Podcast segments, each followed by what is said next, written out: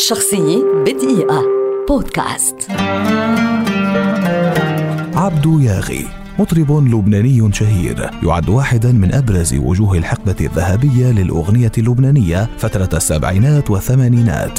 صاحب خامه عذبه وقدرات صوتية جبلية أصيلة. لمع اسمه في سماء الأغنية اللبنانية بعد تخرجه من برنامج المواهب الشهير استوديو الفن في دورة 1972-1973 الدورة نفسها التي تخرج منها نجوم كبار أمثال وليد توفيق وماجد الرومي لينطلق ياغي في مسيرة فنية مشرفة صدح صوته خلالها في أعمال من توقيع الرحابنة ورامي لحود ورفيق حبيقة وغيرهم. وله إلى جانب الغناء مساهمات في أعمال مسرحية عدة. تميز بأداء المواويل الجبلية اللبنانية والطرب والقدود الحلبية.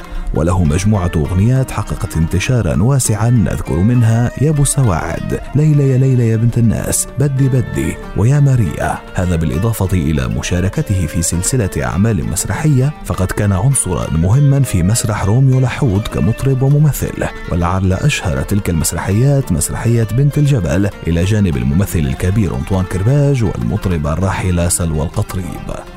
بعد غياب نسبي عن الأضواء دام سنوات طويلة. عاد عبدو ياغي من جديد ليكون هذه المرة حديث العالم العربي أجمع في عام 2020 حين أطل في برنامج The Voice Senior وأبهر اللجنة وجميع المتابعين وفاز بلقب البرنامج عن جدارة والجدير ذكره أيضا أن بريجيت ياغي ابنة عبدو ياغي قد ورثت عنه صوته الجميل وهي اليوم نجمة شابة على الساحة الغنائية. شخصية بدقيقة. بودكاست